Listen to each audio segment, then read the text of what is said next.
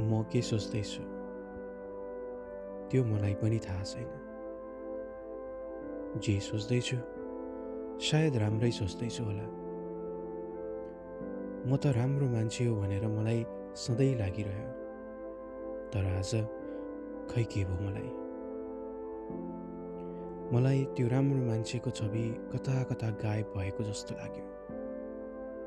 मेरो कहानी धेरै अचम्म भयो। कहानी त हरेक व्यक्तिको जिन्दगीको हुन्छ।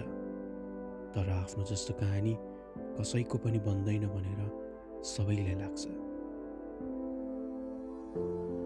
मैले अब के गर्नुपर्छ भनेर मलाई नै थाहा छैन। अब म के गर्छु भनेर पनि थाहा छैन। के गर्ने भनेर पनि पत्ता लगाउन सकेको छैन। अब त धेरै नराम्रो अवस्थामा पुगिसकेँ। सोचेको जस्तो जिन्दगी नपाएको त होइन तर के नपुगे जस्तो हुन्छ? सोचे जस्तो जिन्दगी त प्रायले पाउने कुरै भएन तर मैले जे चाहेँ त्यो पाइ नै रहेको छु। अहिलेको जिन्दगी भने मैले चाहेको जिन्दगीभन्दा बिल्कुलै फरक छ। सायद यस्तै कारणहरूले होला हिजो आज मलाई निकै रिसाउँछ आफ्नो मान्छेहरूसँग रिसाउने बानी नै भइसक्यो।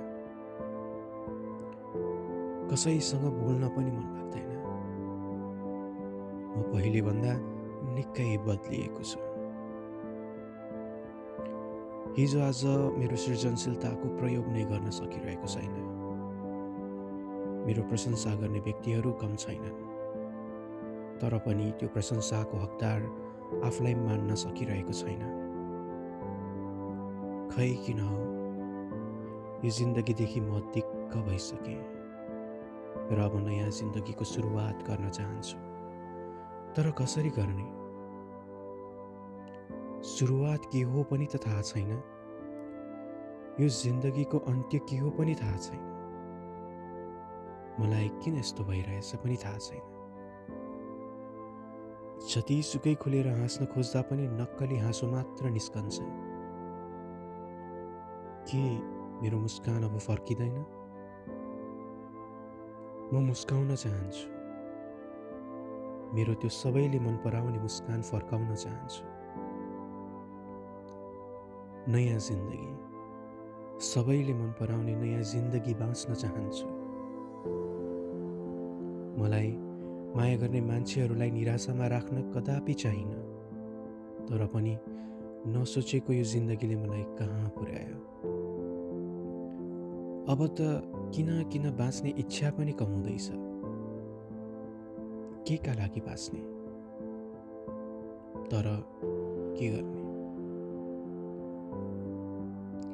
आमा बाबुले छोराछोरीलाई धेरै माया गरेका हुन्छन्। मलाई पनि धेरै माया गर्नुभएको छ मेरो बाबा आमाले। मैले किन त्यो माया फर्काउन सकिनँ त? माया फर्काउन भए पनि मैले बाँच्नुपर्छ। म बाँचेर धेरै काम गर्नु छ।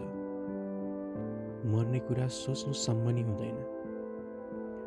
हुन त म मरेर कसलाई के नै हुन्छ र?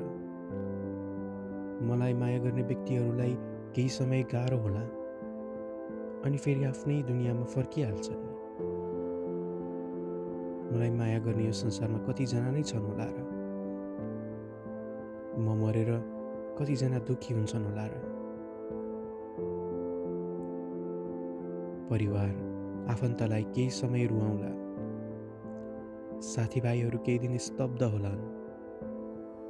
मलाई धेरै माया गर्ने मान्छे केही समय रोलान् स्कुल कलेजका साथीहरूलाई नराम्रो लाग्ला। दुश्मनहरू खुसी होलान्। मलाई त के हुन्छ मर्नुभन्दा अगाडि गाह्रो हुन्छ। बस। तर मरेपछि के हुन्छ? मलाई के थाहा? तर म किन मर्ने?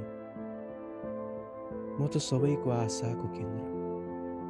मैले त यो संसारमा धेरै राम्रो काम गरेर नाम अनि दाम कमाउनु छ। र त्यो काम गर्ने मेरो प्रतिबद्धता भयो आजैदेखि